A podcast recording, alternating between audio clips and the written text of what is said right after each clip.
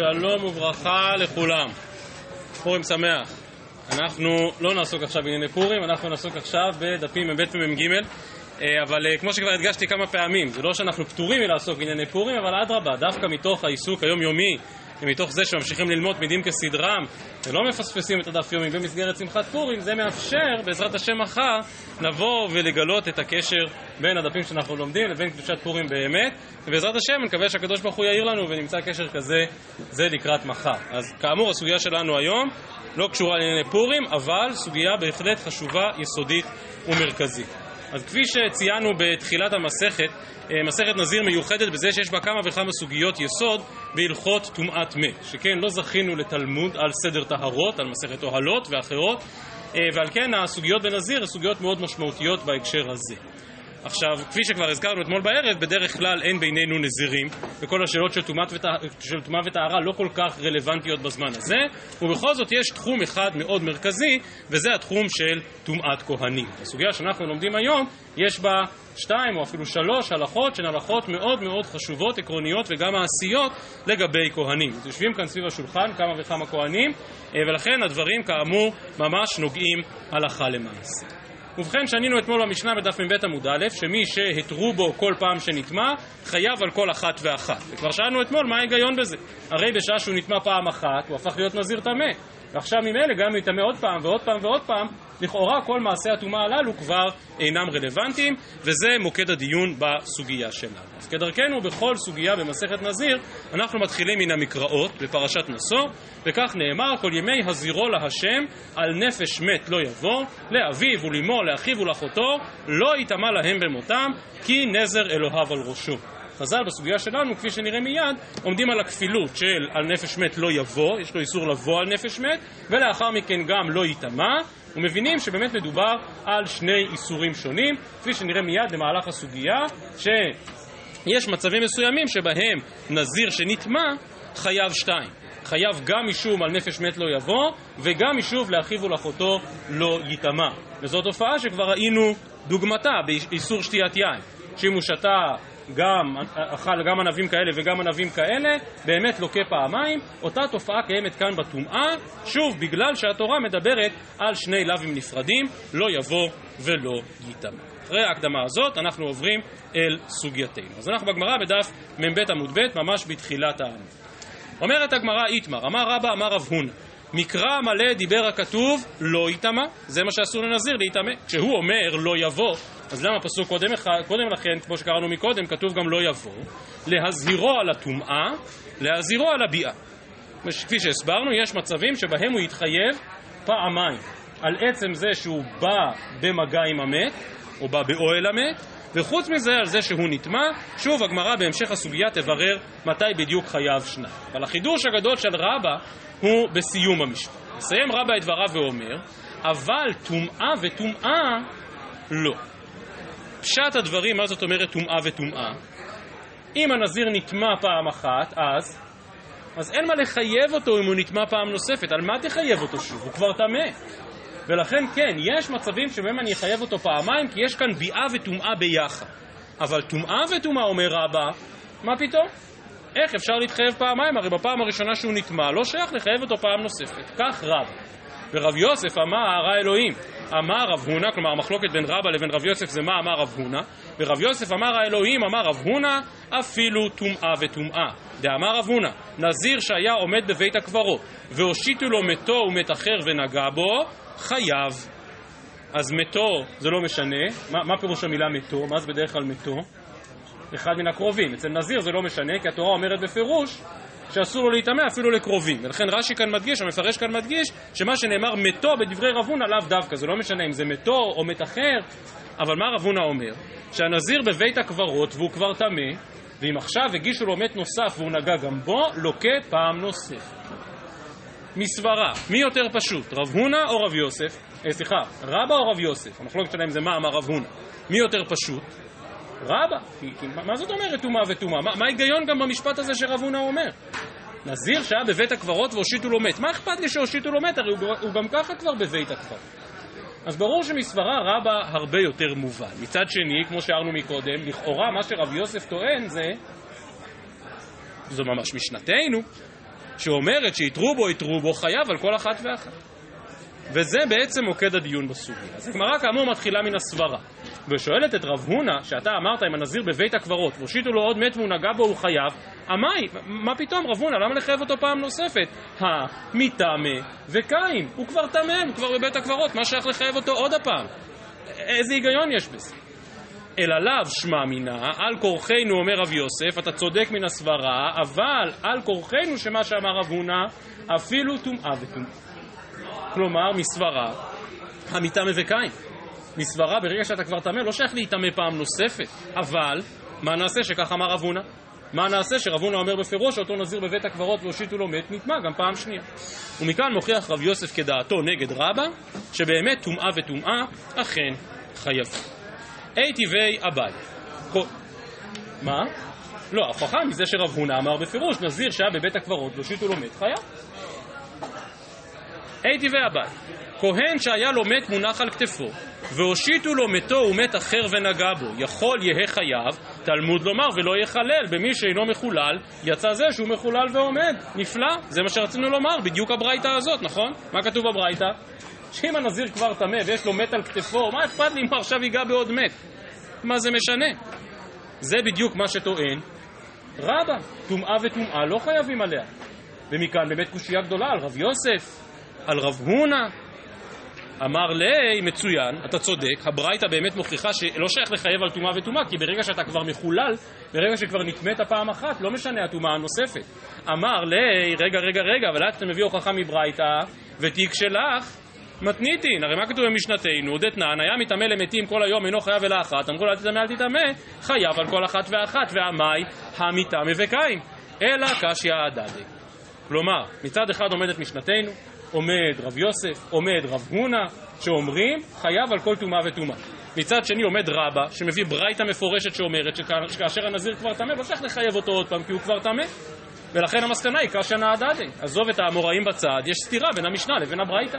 במשנה כתוב שחייב על כל, כל אחת ואחת, ואילו בברייתא כתוב שברגע שהוא כבר טמא לא שייך לחייב אותו פעם נוספת. כן. אנחנו אומרים שהוא מחויב גם על להיטמע וגם על ביאה. רגע, על ביאה לא אמרנו עדיין שום דבר, נגיע לזה תכף בהמשך הסוגיה ונבין למה הכוונה. סוף כל סוף יש כאן סתירה בין המשנה לבין הברייתא. ולכן אומרת הגמרא על כורחנו לחלק בין המצבים השונים ולומר כך, לא קשיא. כאן בחיבורים, כאן שלא בחיבורים. כלומר, הברייתא מדברת על טומאה בחיבורים. תכף נאמר כמה מילים על הסוגיה הזאת, כי זו סוגיה גדולה ועצומה ואני לא רוצה שניכנס אליה כאן, כי זו באמת סוגיה מאוד נרחבת, זה לא עיקר הדיון אצלנו, אבל פשט הגמרא, טומאה בחיבורים. בואו נחזור, מה המקרה של הברייתא? מדובר על נזיר שיש מת על כתפו, הוא ממש מחזיק אותו על הכתפיים. הדעת אינה סובלת אפשרות שנזיר כזה, שהמת מונח לו על הכתפיים והוא נגע במת אחר, יתחייב. על, על מה שייך לחייב אותו? ולכן ברור שהברייתא צודק. וברור שמי שנזיר שמת מוטל על כתפו, גם אם תתרה בו אלף פעמים, אבל, אבל הוא כרגע טמא, אז לא שייך אם הוא ייגע פעם נוספת. אבל המשנה מדברת על מצב שלא בחיבורים. שוב, פשט הגמרא, מה זאת אומרת שלא בחיבורים? בדיוק, המקרה של המשנה מאוד מובן. מדובר על נזיר שנגע, אמרו לו אל תיגע במת והוא נגע. טוב, עבר עליו דאורייתא חייב מלקות, הלך הביתה. חזר אחרי רבע שעה, עוד פעם אומרים לו אל תיגע והוא נוגע פעם נוספת. מצד אחד, הוא כבר טמא מהפעם הראשונה, וכל עוד הוא לא נטהר בטהרת שבעה ואפר פרה אדומה הוא לא טהור, אבל, אבל לפחות זה לא בחיבורים, לפחות יש כאן מעשה חדש, לפחות יש כאן פעולה חדשה, ולכן, באמת נזיר שנוגע כרגע, ברגע זה באמת, אז לא שייך לחייב אותו חיוב נוסף, אי אפשר לחייב אותו חיוב נוסף, אבל נזיר שהוא לא בחיבורים, כלומר לא מחובר כרגע למת, אלא הלך הביתה ונגע פעם נוספת, על זה בא רב יוסף, על זה בא רב הונא, וזו בעצם כוונת משנתנו, שחייב על כל אחת ואחת, אף על פי, אף על פי שהוא כבר טמא. הוא טמא מן הנגיעה הראשונה, הלך הביתה, חזר פעם נוספת, הוא עדיין טמא ממנו. ובכל זאת אפשר לחייב אותו פעם נוספת, כך מסביר רב יוסף את משנתנו. שואלת הגמרא, אבל לפי זה, הפשט בברייתא הוא שהברייתא מדברת על טומאה בחיבורים, כמו שאמרנו. כלומר, כאשר הנזיר ממש נוגע במת. שואלת הגמרא, וטומאה בחיבורים דאורייתא? הא אמר רב יצחק בר יוסף, אמר רבי ינאי, לא אמרו טומאה בחיבורים, אלא לתרומה וקודשים. אבל לנזיר ועושה פסח, לא. והיא אמרת דאורייתא, כמובן דעתך טומאה בחיבורים מדאורייתא, אז מה ישנה? אז מה ההבדל בין תרומה וקודשים לבין נזיר ועושה פסח? עונה הגמרא, כאן בחיבורי אדם באדם, כאן בחיבורי אדם במת. מכאן, כמו שאמרתי, הסוגיה המאוד מורכבת של טומאה בחיבורים, שאני לא רוצה שנרחיב בה כאן. מקור הסוגיה במסכת עבודה זרה, בגמרא שם בדף ל"ח. מי שרוצה, בדף ל"ז, דף ל"ח, יש אה, ערך, ב, ציינתי לזה כמה פעמים, למיקרופדיה התלמודית באתר ויקי ישיבה, אז יש שם אתר על טומאה בחיבורים, שכדרכם מתמצתים את עיקרו של דבר. באופן עקרוני המילה בחיבורים, כמו שהסברנו אותה גם עכשיו, כפשוטו, כאשר מדובר על מי שמחובר אל המת. ומה שמתחדש בגמרא שלנו, זה שהדין הזה של טומאה בחיבורים הוא סוג של חומרה. ולכן, טומאה בחיבורים מטמאת רק לתרומה או למי שרוצה לעסוק בקודשים ונטמע בחיבורים אז הוא טמא ולעומת זאת בעיקר הדין, דהיינו למשל על נזיר, האם הוא סותר את נזירותו או אפילו מי שצריך להקריב קורבן פסח ורק נטמע בחיבורים אז הטומאה הזאת אינה מטמאת. טוב, אם טומאה בחיבורים זה לגעת במת אז לא שייך לחלק בין התחומים השונים. ולכן טומאה בחיבורים משמעותה מי שלא נוגע ישירות במת אלא קצת יותר רחוק ממנו וכאן שתי שאלות מרכזיות בין הראשונים. התרחיש הפשוט של טומאה בחיבורים זה אדם מת, יש כאן גופה, ראובן בא ונוגע בגופה, ושמעון בא ונוגע בראובן. זה התרחיש הרגיל של טומאה בחיבורים. ועל זה שואלת הגמרא האם טומאה בחיבורים מדאורייתא או מדרבנן. פה יש סברה לומר שהיות ששמעון לא נגע במת, הוא רק נגע בראובן, אז אם הוא רוצה עכשיו לעשות קודשים, אני דן אותו כטמא טומאת שבעה. כאילו הוא אב הטומאה. אם הוא רוצה לאכול תרומה. אבל עניין נזיר, סוף סוף הוא לא נטמע, הוא לא נגע במת, הוא נגע רק בראובן שנוגע במת. ככה ההבנה הפשוטה של טומאה בחיבורים. אז נידון אחד שיש בין הראשונים, זה האם מה שאמרנו, שראובן עכשיו הופך את שמעון להיות טמא לגמרי, זה דווקא כאשר ראובן נוגע בגופה ביד אחת ובשמעון ביד השנייה? או שאפילו אם ראובן כבר לא נוגע בגופה, ברגע שראובן הוא אב הטומאה, כי הוא נגע ישירות במת, אז אם עכשיו שמעון ייגע בו, יטמא טומאת שבעה. זו מחלוקת אחת בין הראשונים. מחלוקת שנייה בין הראשונים שמפורשת כאן בתוספות, והיא, התוספות מבינים שאם ראובן נוגע במת ושמעון נוגע בראובן, אז שמעון טמא מדאורייתא. טומאה בחיבורין זה על אדם שלישי, על לוי, שרשרת אנושית. ראובן נוגע במת, שמעון נוגע בראובן, ועכשיו לוי נוגע בשמעון. טומאתו של לוי, אומרים תוספות, זה כבר טומאה בחיבורין דרבנן, שהיא נכונה רק בתרומה הוא רק בקודשים, אבל בנזיר ועושה פסח לא מקבלים מין תרומה שכזו. אז כאמור, זה המושג של טומאה בחיבורים, כאשר יש איזשהו ריחוק מן הטומאה, וזו הדר... ו... ועל זה כאמור שואלת הגמרא, האם הדין הזה הוא דין דאורייתא? הרי מפורש בדברי רבי ינאי, שאתה רואה שזה שהחמירו בתרומה וקודשים ולא החמירו בנזיר ועושה פסח, משמע שהדין של טומאה בחיבורים הוא דין דרבנן ולא דין דאורייתא. כאילו היה דאורייתא אז מה ישנה? ועל זה מתרצת הגמרא, כאן בחיבורי אדם באדם, כאן בחיבורי אדם במת. אני רוצה ברשותכם עוד פעם, כדי לא להעמיק יותר מדי בסוגיה של טומאה בחיבורים, להסביר את זה דווקא לפי רש"י. ורש"י אומר בדיוק את החילוק שאמרנו עכשיו. דהיינו, כאשר הברייתא מקודם על מה היא מדברת? על נזיר שמוטל ומת על כתפו. זה חיבורים גמורים, ולכן ברור שהוא טמא מדאורייתא, וככה הסברנו את הברייתא. מה שדיברנו על טומאה בחיבורים, כאשר כאמור ראובן נוגע במת ושמעון נוגע בראובן, זה כבר באמת דין דה רבנן. ולכן חיבורי אדם במת, מי שנוגע ממש במת הוא ודאי טמא מדאורייתא, אין על מה לדבר. חיבורי אדם באדם זה כבר רק דין דה רבנן, ועל זה אמר רבי ינאי שזו חומרה שקיימת בתרומה ובקודשים ולא קיימת בנזיר ועושה פסח. מי שרוצה דרך אחרת בקריאה של השקלווטריה מוזמן לעיין כאן בתוספות בראש שלומדים את הסוגיה קצת אחרת. שוב אני אומר פעם שלישית, יש, יש הרבה מה לדבר כאן בסוגיה אז אני לא רוצה להעמיק בעניין טומאה בחיבורין שזה סוגיה במקומות אחרים. טוב, ועכשיו חוזרת הגמרא לשאלה שהדר שאל לפני רגע והיא טומאה וביאה נמי המיתה מבכה. כלומר, מה יוצא לפי כל החשבון שעשינו עכשיו? שבאמת מישהו כבר ממש טמא, מי שהמת על כתפו לצורך העניין, ודאי שלא שייך לחייב אותו אם הוא ייגע עכשיו באמת. זה לא רלוונטי, כי הוא כבר מיתה מבקאי. אז אומרת הגמרא, לפי דבריך, איך אתה מסביר את הפסוקים? הפסוקים שאומרים שיש שני לאווים, לאו הלא יטמא ולאו הלא יבוא. אז איך שייך לחייב פעמיים? הרי מישהו כבר טמא, הוא טמא פעם אחת. אומרת הגמרא, טומאה וביאה נמי, המיטמא וקאי. אמר רבי יוחנן, כאן בבית, כאן בשדה.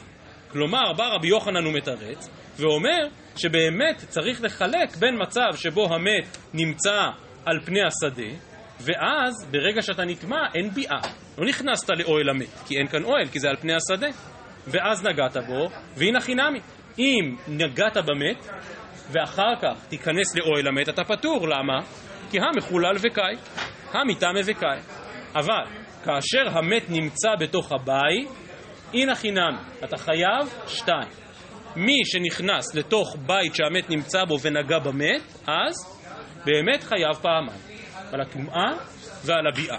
ולכן, באמת, אנחנו מקבלים עקרונית שמי שמיטה מבקאי לא מתחייב פעם נוספת, אבל, אבל זה רק דווקא כשהוא נמצא בשדה, כשהוא כבר נטמע בשדה. כאשר המת בתוך הבית, אכן חייב פעמיים. מישהו יש קושייה על זה? כן. אפשר, אפשר להגיד גם שבעצם זה שאתה נוגע, עושה את המעשה של לגעת בעוד מת, זה גם ביאה כלשהי. אוקיי, לא, אבל זה פחות מתחבר לביאה. מה שמאוד קשה על התירוץ הזה של הגמרא, זה מה שהגמרא מיד שואלת, וזה, אמרת שאם הוא בשדה, אז הוא כאילו קודם כל נגע, ורק אחר כך נכנס לאוהל המת, הוא לא חייב פעמיים. מה קורה אם הוא נכנס לאוהל המת? אז זה מצב הפוך. ברגע ש... ברגע שהוא נכנס, אז הוא כבר נטמע. אז עוד פעם, זה לא קורה בדיוק ביחד. אומרת הגמרא דף מ"ג עמוד א', בבית נמי, כיוון דאייל ידי, ברגע שהוא הכניס רק יד לתוך הבית, אז הסתייב, אז הוא כבר טמא, כי הוא נכנס לאוהל המת. אבל כי אייל כולי, כלומר, ברגע שהוא מכניס את כל הגוף, אז הוא כבר טמא, זה בדיוק כמו אם הוא נגע בשדה. מה זה משנה אם הוא נגע באמת בשדה ואז נכנס לאוהל המת, שאז אמרת שבאמת הוא לא חייב שתיים, הוא חייב רק אחת. לבין מצב שבו הוא נכנס רגיל לבית, אלא שהוא הכניס קודם את היד. טוב, נו, אבל ברגע שהוא הכניס את היד אז הוא טמא. כשכל הגוף ייכנס אז הוא כבר טמא. אלא, אמר רבי אלעזר, צירף ידו משום טומאה איכא, משום ביאה ליקה, וצירף גופו טומאה וביאה בעד העדה דיקאתו. אתה צודק, אם הוא שלח יד קדימה, אז היד נטמעה. אם היד נטמעה אז כל הגוף טמא, אם כל הגוף טמא, אז לא שייך לחייב אותו על הביאה כי הוא כבר טמא. מדובר על מצב שבו הוא הצמיד את הידיים לגוף וכאילו נכנס בבת אחת. ולכן, כאילו הטומאה והביאה הם ביחד וחייב פעמיים. ועדיין שואלת הגמרא, האי אפשר דלא איל חותמו ברישא ונחית לי טומאה. סוף כל סוף, גם אם הוא נכנס עם ידיים צמודות לגוף, האף נכנס פנימה, אז האף כבר מטמא את כולו, למרות שהוא עוד לא בא באוהל המת. אלא אמר רבא הכניס ידו משום טומאה איכא, משום ביאה ליקא. הכניס גופו, טומאה וביאה בהדי הדדי קאתיה. ועדיין אומרת הגמרא, ואי אפשר דלא היה לצבעתא דקרעי ברישא ונחת לאוטומא. שוב, חלק קטן מן הגוף שכבר נכנס. אלא אמר רב פאפא, אוקימתא קצת רחוקה, אבל כך באמת נפסק להלכה ברמב"ם. אלא אמר רב פאפא, כגון שנכנס בשידה טבעה ומגדל, ובא חברו ופרה עליו את המעזיבה, ואז באמת טומאה וביאה בעד ההדדי קאתיה. ומי שנכנס באוהל המת, ואז בבת אחת יצא מתוך השידה הזאת שמגנה עליו מן הטומאה, אז הטומאה והביאה באו ביחד, במצב כזה באמת חייב שתיים. ברב רש"י אמר, כגון דאייל כשהוא גוסס, ונפק נשמתי אדייתיב, וגם כאן טומאה וביאה ביד הדדקעתיק. ברגע שהוא נכנס לבית, אז, אז אין טומאה, כי ההוא עדיין חי. ברגע שהוא יוצא נשמתו, אז הטומאה והביאה באות כאחד, ובמצבים כאלה באמת מתחייבים שניים. אז מה יצא לנו בסיכומו של דבר? בסיכומו של דבר מה שיצא זה שבאמת לא שייך לחייב נזיר שתיים. כי אם הוא כבר טמא, מחולל ועתי, טמא ועתי, לא שייך לחייב אותו פעם נוספת. וזה שיש כפילות בתורה שאומרת גם לא יבוא וגם לא ייטמע, זה בא רק לאותם מצבים, קצת רחוקים כמו שראינו, שבהם יש איזשהו תרחיש שהוא מתחייב גם בטומאה, שהטומאה והביאה, כלומר הטומאה והכניסה לבית, אכן חלו. גם יחד אכן חלו כאחד. וכאן אנחנו מגיעים, כמו שאמרתי אתמול, לשיטה מאוד מאוד חשובה ומרכזית בין הראשונים. מי שיכול שיעבור לרגע לדף ששלחתי מקודם. נשאלת השאלה, אז מה מסקנת כל הדיון? אני מזכיר, התחלנו מרבה, שאמר שטומאה וטומאה אי אפשר לחייב. עברנו לרב יוסף ורב הונא שאומרים שטומאה וטומאה בהחלט כן אפשר לחייב. והסברנו שמתי בכל זאת שייך לחייב על טומאה וטומאה, במצב שבו הוא נגע, הלך הביתה, ואז הוא חוזר לגעת עוד פעם, זה איסור פעם נוספת. אבל לכאורה כל זה היה נכון רק לפי, רק לפי רב יוסף, רק לפי רב הונא. בפשטות רבה לא קיבל את זה. אז איך רבא יסביר את המשנה שלנו שחייב על כל אחת ואחת? אולי לפי ביאה וטומאה? שבזה חייב על כל אחת ואחת? ומסקנת הסוגיה בדיון הזה שבין רבא לבין רב יוסף אינה מבוררת עד הסוף.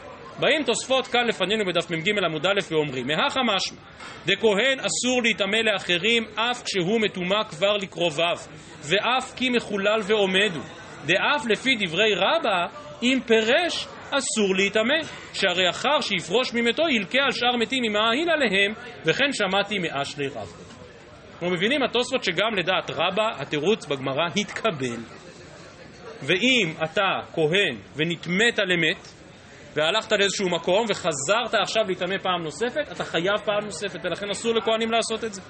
עכשיו, יש מצב, ועל זה התוספות מדברים, שכהן מותר לו להיטמא, וזה מתי? כשהוא נטמא לקרוביו. אבל אומרים תוספות, גם כאשר הוא נטמא לקרוביו, עדיין ההיתר הזה הוא יותר מצומצם. ואני לא רוצה להיכנס עכשיו לסוגיית טומאת כהן לקרוביו, ולדברי הרמב"ם המאוד מעניינים בהלכות אבל, שהרמב"ם אומר שטומאת כהן לקרוביו זה דחויה ולא הוטרה, שפעם נתנו שיעור בתחילת יומא על עניין הוטרה ודחויה, הזכרנו את הרמב"ם הזה, זה לא קשור ישירות לענייננו. הנוגע לענייננו הוא ההבנה של מסקנת הסוגיה. אומרים תוספות שגם לדעת רבא במסקנת הסוגיה, במצב שבו פירש, אז יש איסור חדש. ולכן נזיר שנגע באמת, הלך הביתה, ועכשיו חוזר לגעת פעם נוספת, חייב שתיים, אם יתרו בו פעמיים. ואותו דבר גם כהן. אף על פי שהכהן הזה כבר טמא, והכהן הזה כבר נטמא למת, אם יבוא הכהן ויטמא למת פעם נוספת, אז הוא חייב פעם נוספת, דהיינו שזה אסור לו. ואומרים תוספות, וכן שמעתי מאשלי רב כזה. וכך באמת ההלכה המקובלת. כך פוסק גם הרמב"ם בהלכות נזירות. אומר הרמב"ם, נטמע למת פעמים הרבה, אף על פי שהוא חייב מלקות על כל אחת ואחת לשמיים, אין בית דין מלקין אותו אלא אחת. אבל אם יתרו בו כל פעם ופעם, והוא מטמא אלוקי על כל אחת ואחת. במה דברים אומרים, דברים אומרים אומר הרמב"ם? בשנטמע הוא פירש וחזר ונגע או נשא והעיל. אבל אם היה נוגע במת ועדיין המת בידו ונגע במת אחר, אינו חייב אלא אחת שהרי הוא מחולל ועומד. זה פשט הגמרא. זה החילוק שהגמרא מציעה בין משנתנו לבין הברייתא. שאם אתה נוגע במת, אז שלחת יד לגוע במת נוסף, אין איסור. אבל אם נגעת במת ופרשת וחזרת לגעת פעם נוספת, אתה חייב פעמיים. האם הרמב"ם פוסק כרבא או כרב יוסף?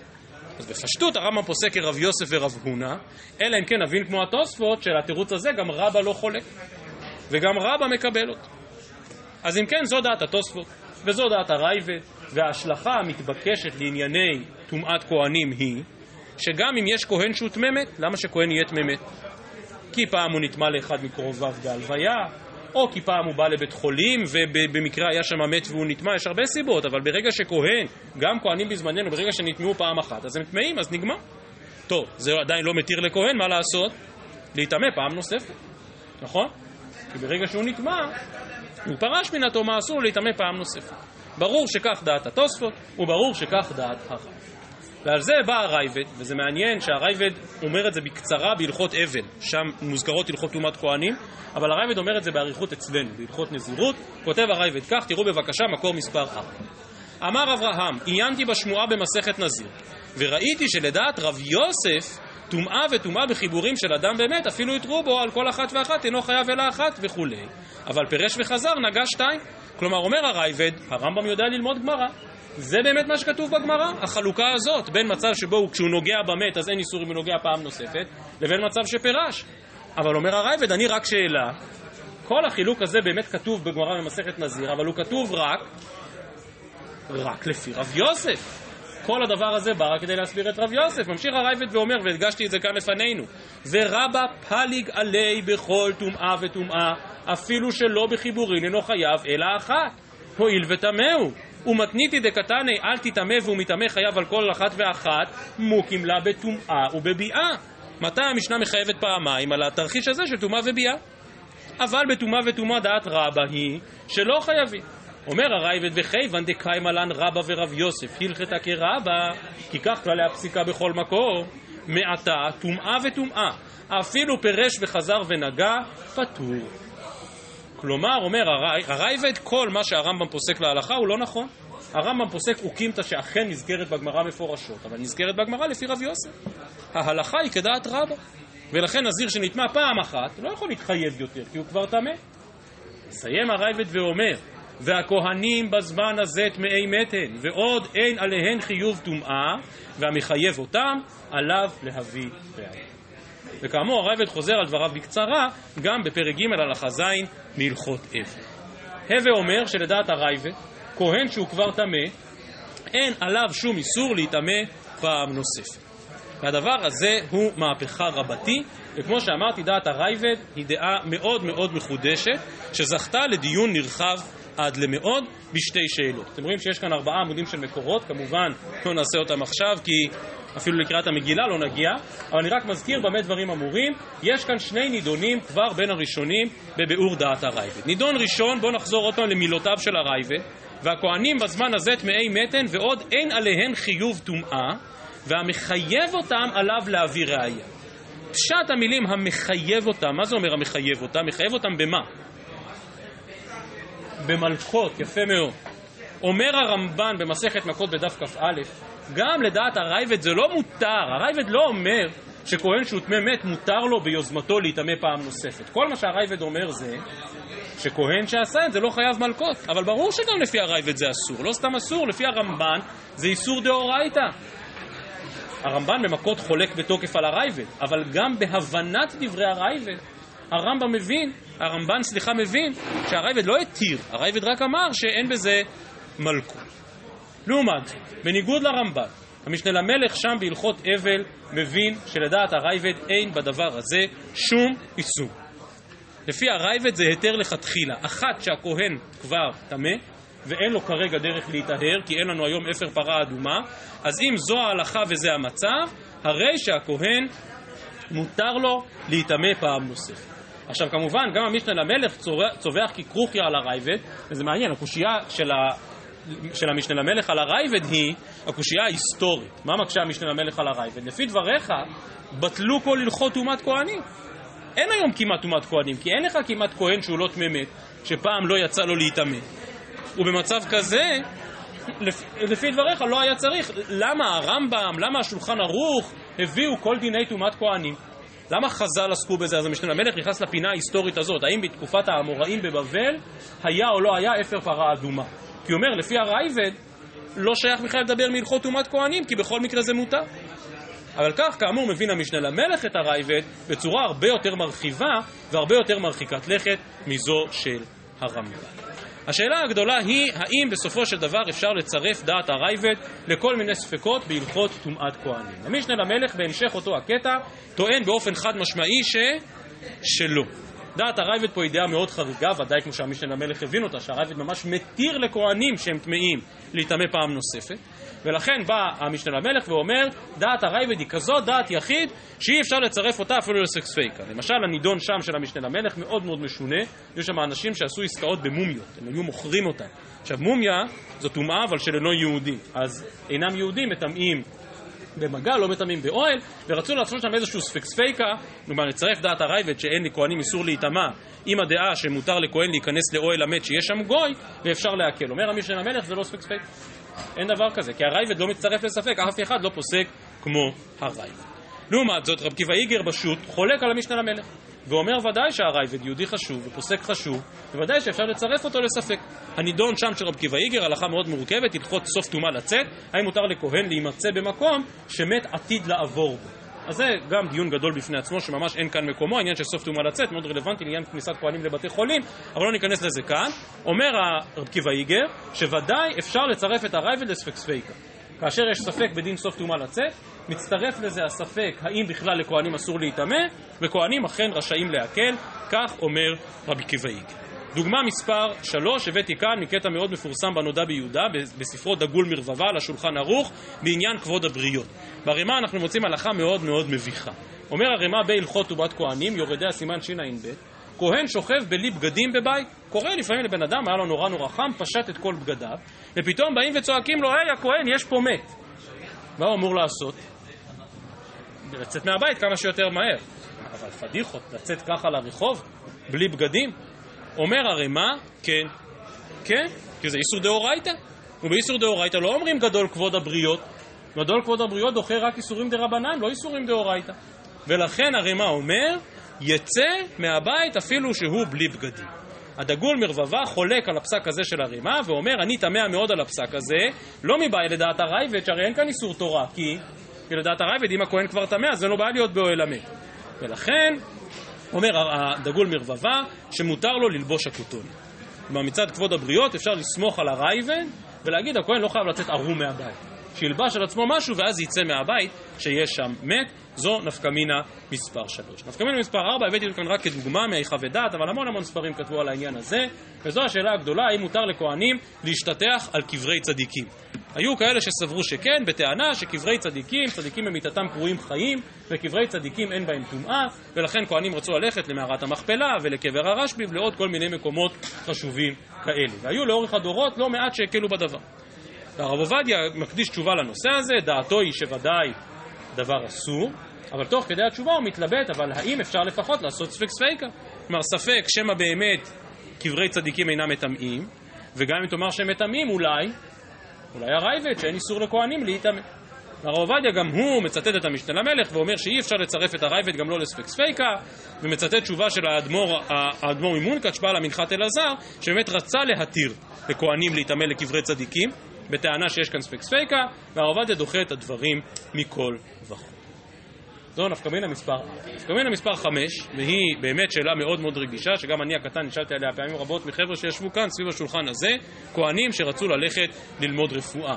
כידוע, חלק מלימודי הרפואה מחייב גם ניתוחי גופות ואנטומיה, והשאלה האם מותר לכהן במסגרת לימודי רפואה או האם מותר לכהן ללכת ללמוד רפואה מתוך ידיעה שיצטרך להסתבך גם עם הנושא הזה של ניתוחי גופו. ומי שבאמת יצא לדון בדבר החדש בעניין הזה הוא הרב גורן במאמר מאוד מאוד מאוד חדשני בהקשר הזה. הרב גורן מקדיש שם דיון מאוד מאוד ארוך האם אפשר או אי אפשר לסמוך על הרייבד והרב גורן סבור שבוודאי אפשר לצרף את הרייבד אבל הרב גורן אמר, תשמע, גם אם אתה מצרף את הרייבד זה עדיין לא היתר לכתחילה ולכן הרב גורן המציא שם פטנט גאוני אני רק מזכיר אותו כאן כי הוא קשור לסוגיה אחרת במסכת נזיר בדף נ"ד, מישהו מכיר? יפה מאוד. פתרון הטבעת. יודע מה זה אומר אבל פתרון הטבעת? גם הוא קשור בעקיפין לסוגיה שלנו. אומר הרב גורן שיש לנו הלכה שנקראת חרב הרי כחלל, ולכן ברגע שיש לך כלי מתכתי שנגע במת, אז הוא ממש מטמא טומאת שבעה. עכשיו מציע הרב גורן לאותו כהן לענוד על האצבע טבעת שנגעה במת. מצד הלכות איסורי כהנים אין בזה איסור, כי מה איסור למת? מה איסור לכהן, סליחה? לגעת במת, אין לו איסור ללבוש טבעת על האצבע. אבל עכשיו, ברגע שהטבעת נמצאת לו על האצבע, אז, אז הוא ממש טמא בפועל. ואז טוען הרב גורן, גם לראשונים החולקים על הרייבד, אין איסור. וזה מה שהציע הרב גורן לאנשים להשתמש בפתרון הזה, להשתמש בפטנט הזה, של טבעת או איזושהי שרשרת ולסמוך על חרב הרי הוא כחלל. אין ספק הברקה גאונית. ציינתי כאן בהערה למאמר ארוך של הרב לוי יצחק אלפרין מהמכון הטכנולוגי שחלק בתוקף על הפסק הזה של הרב גורן. סוגיה מעניינת, שווה להכיר. אבל גם הרב גורן, שוב, בלב אותו מאמר לא עומד הפטנט של הטבעת, אלא בלב אותו מאמר עומד הרייבד.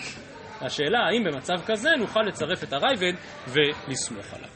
נפקמינה האחרונה, והיא קשורה לקטע הבא בגמרא, הבאתי כאן עוד פעם רק כדוגמה משו"ת דברי יציב, למרות שגם על זה נכתבו תשובות רבות, וזו השאלה, האם מותר לכהן להיכנס למצב של ספק טומאה, מה זאת אומרת ספק טומאה?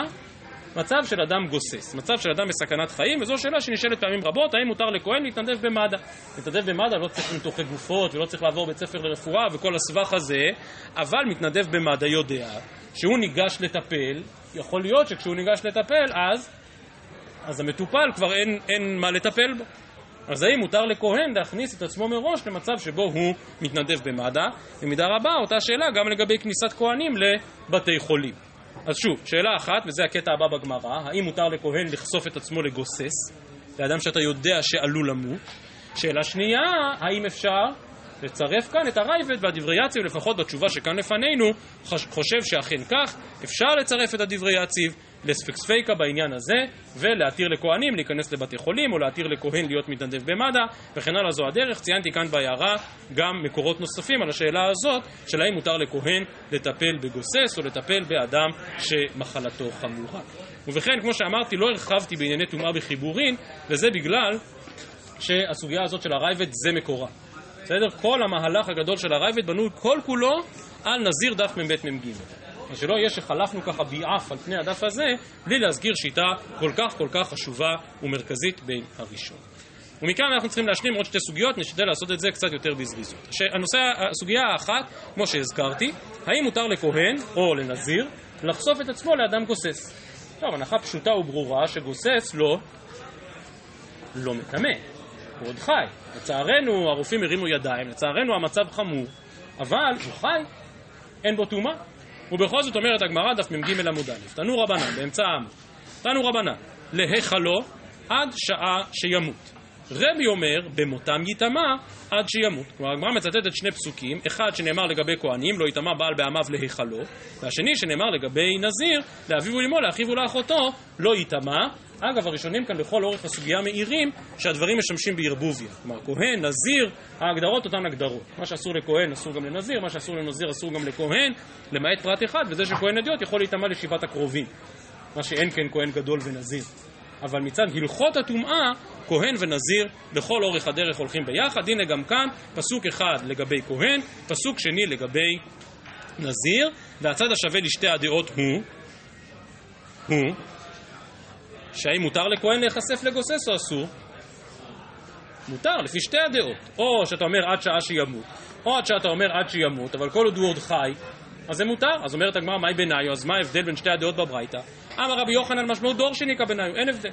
אין הבדל, זה רק מאיפה לומדים את זה בפסוק. אבל ברור ששתי הדרשות באות לומר, כל עוד האדם חי ולא מת, אין שום איסור לכהן ולנזיר.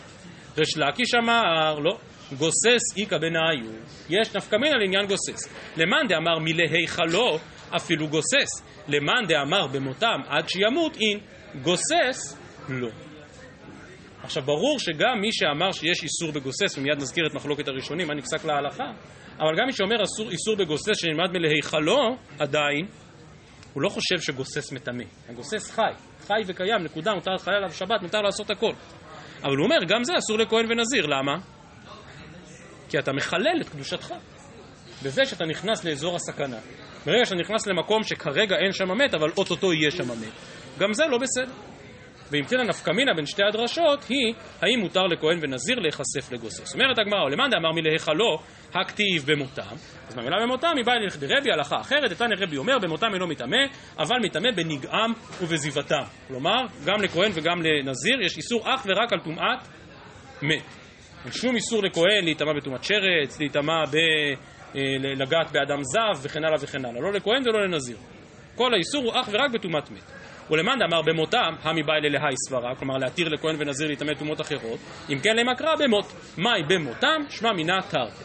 לאידך גיסא, ולמאן דאמר במותם, הכתיב להיכלו, ולהיכלו דעתה, במי שאינו מחולל, יצא זה שמחולל ועומד. וזו הסוגיה שלמדנו מקודם. כאשר הכהן מחולל ועומד, או כאשר הנזיר מחולל ועומד, כשהמת ממש על כתפו, אז אין לו איסור להיטמא. ולמאן דבר מלהיכלו, המי באי להי סברה, כלומר שנזיר מחולל ועומד אין בו איסור, אם כן למקרא להחל, מהי להיכלו, שמע מינה תר. יפה. ועכשיו עוברת הגמרא, אז באמת לברר, האם באמת יש איסור לכהן ונזיר להיטמא לגוסס? מי טבעי. אדם אינו מטמא אלא עד שתצא נפשו, אפילו מגויד, אפילו גוסס, כלומר אפילו בפציעה קשה וחמורה, אין סיכוי שהוא יצא ממנה, אבל כל עוד הוא חי, כל עוד נשמת רוח חיים באפיו, אז הוא חי, אז הוא לא מטמא. אומרת הגמרא, או למאן דאמר מלהיכלו, הקטני כאן במפורש דאינו מטמא, כאשר הוא עדיין גוסס. עונה הגמרא, כמו שהסברנו, לעניין תמויי עד נפקא נפשי. לא חלקתי עליך, ברור שאין שום טומאה כי הוא, כי הוא חי. לעניין איתחולי, האיתחיל. כלומר, אותו מאן דאמר שאומר מלהיכלו, סבור ש... שיש בדבר הזה חילול. נכון, גוסס אין בו טומאה, אבל יש בדבר חילול. ולכן אותו מאן דאמר סבור שזה אסור. וגם כאן, כאמור, דיון גדול בין הראשונים, מהי הכרעת ההלכה? מהי מסקנת הסוגיה? שוב אנחנו מתחילים מן התוספות, כותבים התוספות כאן מ"ג עמוד א' למטה, ומהכה שם אינן דכהן אינו מוזר על הגוסס. אין שום בעיה לכהן להיות מתנדב במד"א. הוא נכנס לטפל כל עוד ההוא חי, ברגע שיגידו לו שהוא מת, אז הוא יצא החוצה. דכהן אינו מוזר על, הגוסס, דקיים עלן כרבי יוחנן לגבי ריש לקיש. שוב כללי פסיקה, רבי יוחנן וריש לקיש הלכה כרבי יוחנן, ורבי יוחנן אומר שאין איסור להיטמא לגוסס. אבל אומרים תוספות, מי הוא בהלכות גדולות, גרי סביי במקום רבי יוחנן ורבא במקום ריש לקיש. מה יקרה במצב כזה? כללי הפסיקה יתהפכו, כי, כי הלכה כרבא נגד אביי. ואם כן, התוספות בעצם מציינים מחלוקת גרסאות, שהיא גם מחלוקת להלכה, האם כהן מותר בגוסס או אסור בגוסס. באמת להלכה נחלקו המחבר והרמ"א. כותב השולחן ערוך, ומכל מקום אסור להיכנס לבית שיש בו גוסס. דהיינו, השולחן ערוך פוסק שאסור למת להיכנס למקום של גוסס. משיג הרמ"א ואומר, ויש מתירין וטוב להחמיר. והשח והבח שם ביורד דעה באמת חולקים על הרמה, הם כותבים שלא רק טוב להחמיר, אלא שעיקר הדין הוא כמו השולחן ערוך, שאסור להיכנס לאוהל של גוסס, וכאמור, אחת השאלות המעשיות בהקשר הזה זה התנדבות במד"א, או לשמש כרופא וכולי וכולי, והזכרנו את זה גם מקודם, האם אפשר לפחות לצרף את הרייבד למחלוקת הראשונים הזו, האם מותר לכהן להימצא במקום שיש בו גוסס. אז זה כאמור לגבי העניין הזה, וגם זו, כמו שהזכרתי, שאלה מעשית בהלכות טומאת כהנים. אז כמו שאמרתי בפתח דבריי, יש כאן שלוש סוגיות שאנחנו מדברים בהן היום. ענייני למייסה בטומאת כהנים, סוגיה ראשונה דעת הרייבד והאם סומכים עליה, סוגיה שנייה אם מותר לכהן להתאמן לגוסס, סוגיה שלישית שנראה עכשיו בדף מ"ג עמוד ב', וזאת סוגיה כבר באמת יותר כאובה ולכן את זה נעשה אפילו עוד יותר מהר. לא אמרתי שהיא לא מעשית, לצערנו מעשית, אבל עוד יותר כאובה. הדיון כאן הוא כבר ממש מעניין לעניין באותו העניין, משום שכמו שרמזתי מקודם, ככלל אפשר להשוות את הלכות הטומאה של כהן ונזיר, חוץ מאשר פרט אחד, והוא שלכהן מותר להיטמא לשבעת הקרובים, חוץ מכהן גדול, ולעומת זאת לנזיר אסור להיטמא לקרוביו. הקטע הבא בגמרא, בדף מ"ג עמוד ב', באמת עוזב לגמרי את הנזירות, ומדבר על הלכה אחת בהלכות טומאת כהן לקרוביו. כהן אדיוט רשאי להיטמא לשבעת הקרובים, אביו ואימו, אחיו ואחותו, בנו וביתו ואשתו, שבעת הקרובים, ובאה הגמרא ומחדשת כך. מ"ג עמוד ב' למעלה, אמר רב חיסדא אמר רב, נקטע ראשו של אביו, אינו מתעמל. מה הייתה אמה? אמר קרא לאביו בזמן שהוא שלם, ולא בזמן שהוא חסר. כלומר, נכון, פסוקים מפורשים בתורה אומרים שמותר לכהן להתעמל לשבעת הקרובים, אבל זה דווקא כאשר אדם מת מוות טבעי על מיטתו, הגופה שלמה, ואז מותר לבנו הכהן לבוא ולגעת בו. אבל כאשר הגופה אינה שלמה, כאשר אדם מת כתוצאה מטראומה, כתוצאה מאיזושהי פגיעה, לא עלינו, תאונות דרכים וכולי וכולי וכולי, אז כאשר הגופה לא שלמה, אין היתר לכהן להיטמע. אמר לרב ימנונה, שואל רב ימנונה את רב חיסדא, אלא מעתה, כאזיל בפקתא דערבות. כלומר, הולך באיזשהו מקום, שכוח אל, מבודד, יש שם ליסטים ושודדים ומחבלים, ופסקו הגן ולרישי. הלך הכהן עם אביו, והיה פיגוע, והאבא נפגע באותו פיגוע ונהרג. מה אתה רוצה להגיד, החינמי דלא ליטמא לה? אתה רוצה להגיד שעכשיו הבן לא יטמא לאביו? אמר לי, רגע, רגע, רגע, מצב כזה, מת מצווה כאמרת? השתא יש לומר באחרינא מחייב, באביו לא כל שכן? כלומר, לא, לא, לא, המצב שאתה מתאר, הנה חינמי, אני חושב שלכהן אסור להיטמא לאבא שלו במצב כזה, אלא שבמצב כזה, כשהם נמצאים במקום שכוח אל, אז זה מת מצווה. אבל סוגיות האלה לא ניכנס עכשיו, כי עוד נגיע בהמשך המסכת, מת מצווה, לא רק לכהן אדיוט מותר להיטמא, אלא גם, אלא גם לכהן גדול וגם לנזיר, גם להם מותר להיטמא למת מצווה. אז במצב שאתה מתאר, מותר להיטמא, אבל מדין מת מצווה, לא מדין טומאת שבעת הקרובים. ולכן זה לא קשור. שואלת הגמרא, רגע, אבל היי מת מצווה, במצב כזה אותו אדם שנרצח על אם הדרך הוא מת מצווה, והתניא הזה הוא מת מצווה, כל שאין לו קוברים. כלומר שאין לו בני משפחה, אין מי שידאג ללוויה שלו. קורא ואחרים עונים אותו, כלומר שיש לו אנשים שידאגו להלווייתו, אין זה מת מצווה, והא איתלי ברא. כלומר, האדם הזה הוא לא מת מצווה, מת מצווה זה מין משהו כזה כמו גר, שאין לו קרובי משפחה, שאין מי שידאג לו, זה מת מצווה. כאן, אתה מדבר על אדם בעל משפחה, אז הוא לא מת מצווה. עונה הגמרא, לא, לא, לא, אבל זיל בתרתעמה. כיוון דקאזיל באורח, היות שהוא הולך בדרך במקום מבודד, ואין מי שיטפל בו עכשיו, אז כמי שאין לו קוברים דם. כך צריך להסביר את הדין של מי שהלך עם אביו במקום מבודד, ויש כאן תוספות מעניין, עוד פעם לא ניכנס אליו עכשיו, לגבי השאלה מה קורה כאשר כהן נניח נתקל במת מצווה, אז מותר לו להיטמא, אבל הוא לא בהכרח מת מצווה, כי אפשר, כמו כל דבר בעולם, הכסף יענה את הכל, מה אפשר לעשות? אפשר בשכר להזמין מישהו אחר שיטפל בו. אז אני עכשיו כהן ואני רואה מת, מותר לי להיטמע או אסור? מותר, כי זה מת מצווה, כן מי שיטפל בו. אבל האם אני מחויב עכשיו להוציא כסף משלי כדי לשלם למישהו אחר שיבוא ויטפל בו במקומי? שאלה מעניינת, מי שרוצה יעוין כאן בתוספות דף מ"ג עמוד ב' בהקשר הזה.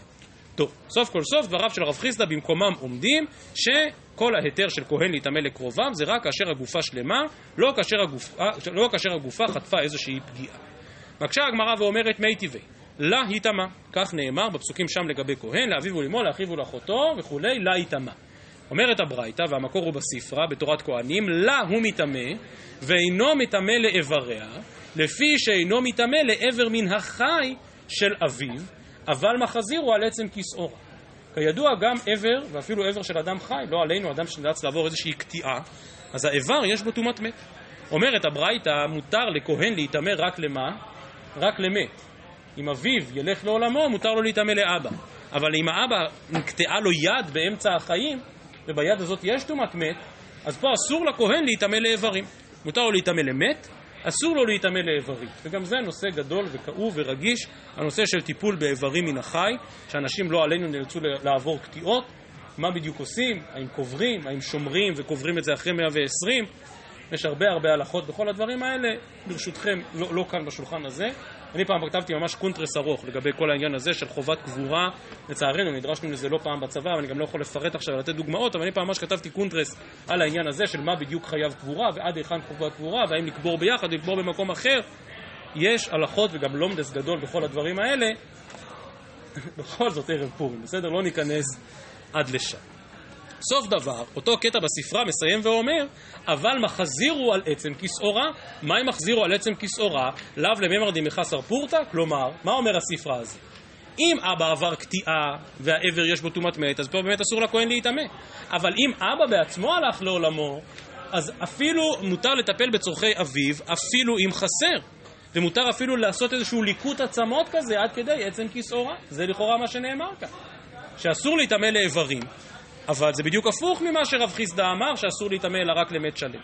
אומרת הגמרא, אתה צודק, זה באמת הפשט, אבל לא, ההיא רבי יהודה. אומר רב חיסדא, זו אכן מחלוקת תנאים. דתניא רבי יהודה אומר, לה מטמא ואינו מטמא לאיבריה, שאינו מטמא על עבר מן החי של אביו, אבל מטמא הוא לעבר מן המת של אביו. קראתי את הגמרא כמו שהיא כתובה לפנינו, אף על פי שהמפרש כאן מאוד מסתייג מן הגרסה כך, ומביא גרסה אחרת שאומרת שבעצם מה שרבי יהודה טוען, זה בדיוק מה שאמרנו עכשיו. מותר לכהן להיטמא לקרוביו, נקודה. אם יש לו קרוב משפחה שהלך לעולמו, אז הוא נטמא לו. וגם אם זה היה כתוצאה מטראומה או כתוצאה מפגיעה והגופה חסרה וכו', אז מה? יש לו קרוב משפחה שנפטר, עכשיו עושים לו הלוויה, מותר לו להיטמא. לעומת זאת, על עבר בלבד אסור לו להיטמא. כאמור, בגרסה, כמו שהיא כתובה לפנינו, יש חלוקה בין עבר מן החי לבין עבר מן המת. המפרש אומר, מה זה משנה עבר מן החי ועבר מן המת? זאת לא הנקודה. הנקודה, האם נטמעים לחי, האם נטמעים למת, או שנטמעים רק לאיבר. התוספות מפרשים כמו המפרש, אבל גורסים כמו הגרסה שהוא דוחה. כלומר, אומרים התוספות, בגרסה שלפנינו זה בדיוק מה שנאמר. דהיינו, על עבר מן החי לא מטמאים, על עבר מן המת מטמאים, למה? כי הוא מת. אז ברגע שהוא מת מותר להיטמא אליו, ממילא מותר להיטמא גם לעבר חסר. שזה מה שאומרת הברייתא. אבל כאמור, טוען רב חיסטה, כל זה רבי יהודה. וסתם ספרה, רבי יהודה, וכך מסבירים גם את הקטע הקודם. אני אומר לדעת חכמים, חכמים חולקים על רבי יהודה הזה, וחכמים באמת סבורים שכהן לא מטמא לקרוב משפחתו אם משהו חסר מן הגופה. ממשיכה הגמרא ושואלת, ועתניא, רב כהנא ברבי אליעזר בן יעקב אומר, לה מטמא ואינו מטמא לאיברים, פרט לכזית מן המת, כזית נצל, מלאת ערבד רקב, מושגים שאני נתקל בהם בהמשך המסכת, שיש בהם טומאה דאורייתא. אז אם יש רק כזית מן המת או כזית רקב, שזה מטמא מדאורייתא, פה באמת אסור לכהן להיטמא לקרוביו. יכול לא יטמא לשדרה ולגולגולת ולרוב בניינה ולרוב מניינה. כלומר, הגופה לא נמצאה במשך זמן ארוך, הבשר כבר נתעכל וכל מה שנשאר זה שדרה וגולגולת, או רוב בניין או רוב מניין, יכול שגם בזה הכהן לא יטמא. כתיב ואמרת להם, הוסיף לך הכתוב טומאה אחרת. יכול לא יטמא לשדרה ולגולגולת ולרוב בניינו על רוב מניינו של אחרים, אמ, כלומר אולי הדין הזה הוא רק באחותו, מה פתאום אומרת הגמרא מ"ד עמוד א', אמרת מה אחותו מיוחדת שגופה תלוי בו, הוא מטמא לשדרה ולגולגולת ולרוב בניינו על רוב מנייניה, אף כל שגופו תלוי בו מטמא לשדרה ולגולגולת ולרוב בניינו על רוב מניינו. אז אם כן, גם הברייתא הזאת שמוסר רב כהנא בשמו של רבי אליעזר בן יעקב, גם הברייתא הזאת אומרת בפירוש שמותר להיטמא למת חסר או אסור? ודאי שמותר. כל עוד יש שדרה וגולגולת. כל עוד יש רוב מניין ורוב בניין של הגופה, מותר להיטמא. גם אם יש איזשהו איבר חסר. אז מילא עד עכשיו אמרת זה רבי יהודה, אבל כאן זה לא רבי יהודה, כאן מפורש שזה רבי אליעזר בן יעקב. וגם הוא אומר שמותר לכהן להיטמא לקרוב משפחתו. מתרץ רב חיסדא ואומר, ההיא נמי רבי יהודה. ורב, כלומר חיסדא אומר, המימרה שאני אמרתי בשם רב, דאמר כי היי תנא, דתניא מעשה שמת אביו של רבי יצחק בגנזק, ובאו והודיעו לאחר שלוש שנים, הוא בא ושאל את רבי יהושע בן אלישע וארבעה זקנים שעימו, ואמרו לאביו בזמן שהוא שלם, ולא בזמן שהוא חסר. זו אכן מחלוקת תנאים מפורשת, רבי יהודה ורבי אליעזר בן יעקב סבורים שמותר להיטמא למת כל עוד יש גופה, או לפחות שדרה וגולגולת, רוב מניין ורוב בניין, אבל החכמים חולקים על זה, וכך פוסק רב חיסדא וכך פוסק רב, והם סבורים שכהן לא יכול להיטמא לקרוב משפחתו כאשר הגופה חסרה. אז אמרתי שנלמד שעה, תפור רק 50 דקות, אז יש לי 8 דקות לדבר על הסוגיה הזאת, לא, אז אני לא אקח 8 דקות, אני אקח רק דקה לדבר על העניין הזה, וגם זו סוגיה גדולה, ובאמת גם כאן נחלקו ראשונים בפסיקת ההלכה. האם ההלכה כדעת חכמים, כדעת רב חיסדא, כדעת רב, שבאמת בגופה חסרה אסור להיטמא, או שההלכה כדעת רבי אליעזר בן יעקב, שאם באמת קרוב משפחתו הלך לעולמו, אז במצב הזה מותר להיטמא גם אם הגופה חסרה. השולחן ערוך מביא את שתי הדעות, סימן שע"ג סעיף ט' ביורדיה, אומר השולחן ערוך, חסר ממנו כלשהו, אפילו הוא מונח אצלו, אינו מטמא לו, שאינו מטמא אלא לשלם. ויש מי שאומר, דהני מילי כשחסר לאחר מיתה, אבל אם חסר ממנו איבר בחייו ומת, כן מטמא לו, אף על פי שאינו שלם, מגיע ערימה ואומר, ויש אומרים שאינו מטמא להרוג, ונכון להחמיר. וכמו שאמרתי, אין ספק שזו חומרה מאוד מאוד גדולה, בעיקר למשפחות שכולות באירועים של טראומה, כאשר ברור שהגופה נפגעה, ולפי הרמ"א, וגם לפי עיקר הדין בשולחן ערוך, באמת אסור להיטמא במצב הזה. אז מי שרוצה לעיין, יש תשובה מאוד ארוכה של הרב אוזנר בשבט הלוי, אף על פי שהרב אוזנר בדרך כלל לא עד כדי כך מעריך, אבל זו תשובה ארוכה יחסית, בחלק ג' סימן קס"א, והרב אוזנר פותח שם את התשובה ואומר, הנה נשאלתי מאנשי החבר'ה קדישא של אמת, לבאר להם ההלכה המבוארת ביורדי הש"ג, דהן כהן מטמא למת חסר, והוא ש"ס בנזיר בדף מ"ג עמוד ב', כי שכיח הוא טובה בזמננו אנו. כמו שאמרתי, ההלכה, בעצם מה שכתוב כאן זה שרק כהן שמת על מיתתו, לא מטמאים לו. ואז הרב אוזנר הולך ומבאר את הנושא, הוא מזכיר שם שבעה ספקות שונים בפרטי ההלכה. כלומר, מה קורה אם עבר קטיעה מחיים, עבר קטיעה אחר המוות, מה קורה אם חסר לו איבר פנימי וכולי וכולי וכולי, מה קורה אם הוא איבד כמות גדולה של דם, וכן הלאה וכן הלאה. אבל המדיניות העקרונית שם של הרב אוזנר היא שפסק השולחן ערוך והערימה שקראתי מקודם, זה ודאי חומרה בלבד. כלומר, עיקר ההלכה כדעת אותם ראשונים שכן פוסקים כרבי אליעזר בן יעקב. שמותר לכהן להיטמא לקרוב משפחתו, אף על פי שהוא לא שלם. ועוד מצטט שם תשובה מן הרדב"ז, וגם זו שאלה שהרבה פעמים היא מאוד מעשית, כי לא תמיד רוצים לגמרי לומר למשפחה מה בדיוק המצב של הגופה, מה לעשות במצב של ספק. כלומר, אומרים, יקירכם נפגע בתאונת דרכים, ולא מתחילים עכשיו לשאול, אספתם את הכל, לא אספתם את הכל, מצאו את הכל, לא, עוד לא, לא רוצה להאריך בזה יותר מדי, כאילו ב... לא משנה, בסדר, אני פתאום רואה קולט שיש פה ילדים מתחת לגיל 18, לא, עזבו, בסדר? אבל זה נושא רגיש. אז במצב של ספק, אומר הרב אוזנר שוודאי אפשר להקל. אם לא יודעים בדיוק, לא צריך לחשוש שהעניין חסר. אה, וכאמור, הולך הרב אוזנר שם ומתייחס לעוד כל מיני דוגמאות נקודתיות. כמו שאמרתי, מה קורה אם אדם עבר פעם, אה, בואו נדבר על משהו פחות מפחיד. מאוד מאוד מאוד לא נעים, אבל פחות מפחיד. אדם פעם עבר קטיעה של אצבע. קרה, בסדר, יכול לחיות עד 120 בבריאות מלאה, גם בלי האצבע שחסרה לו. אז עכשיו אחרי מותו אסור יהיה להיטמע? כלומר, הרב ווזנר שם באמת רוצה לומר שכאשר מדובר על איזושהי קטיעה כזאת שלא פגעה בחייו, הוא המשיך לחיות את חייו באופן הכי רגיל, לומר שבמצב כזה הוא נחשב מת חסר ואי אפשר להיטמא, אז הרב מאוד מתקשה בעניין הזה. יש תשובה של רב משה פיינשטיין שמקל במשהו אחר, וזה בחיסרון של איבר פנימי. אדם שמהלך חייו עבר איזשהו ניתוח והוציאו לו איזשהו חלק מהגוף. אבל אדרבה, עשו לו, יפה מאוד, תוספתא. אבל הוא המשיך לחיות את חייו בבריאות מלאה. אז מוישה אומר שכאשר מדובר על משהו כזה של חיסרון פנימי, ודאי וודאי שהדבר הזה לא מעכב. טוב, ויש עוד תשובות שדנו בעוד כל מיני דוגמאות מעשיות, פתאום תופס את עצמי עכשיו שאולי אפילו פירטתי יותר מדי, אז פה לפניי יש עוד תשובות ועוד דוגמאות, אבל בואו נוותר על זה כרגע ונסיים בעניין הזה. אז כאמור, הארכנו הרבה בכל העניין של טומאת כהנים, וכמו שאמרתי, סוגיות שחלקן מאוד מאוד נוגעות הלכה למעשה עבור כהנים, ובעזרת השם, שנזכה תמיד לשאוף לחיים ולא למוות, לטהרה ולא לטומאה, ומכוח הלימוד הזה אנחנו עוברים לשלושה מינים אסורים בנזיר, שלפחות אחד מהם הוא כמובן היין, ויין מצווה, ויין רשות, אבל זה כבר הדף שלנו למחר. אז בעזרת השם נשמח לראות את כולכם מחר בשעה, החל משעה תשע וחצי בבוקר אצלנו, ושיהיה לכולם פורים שמח וקדושת פורים באמת.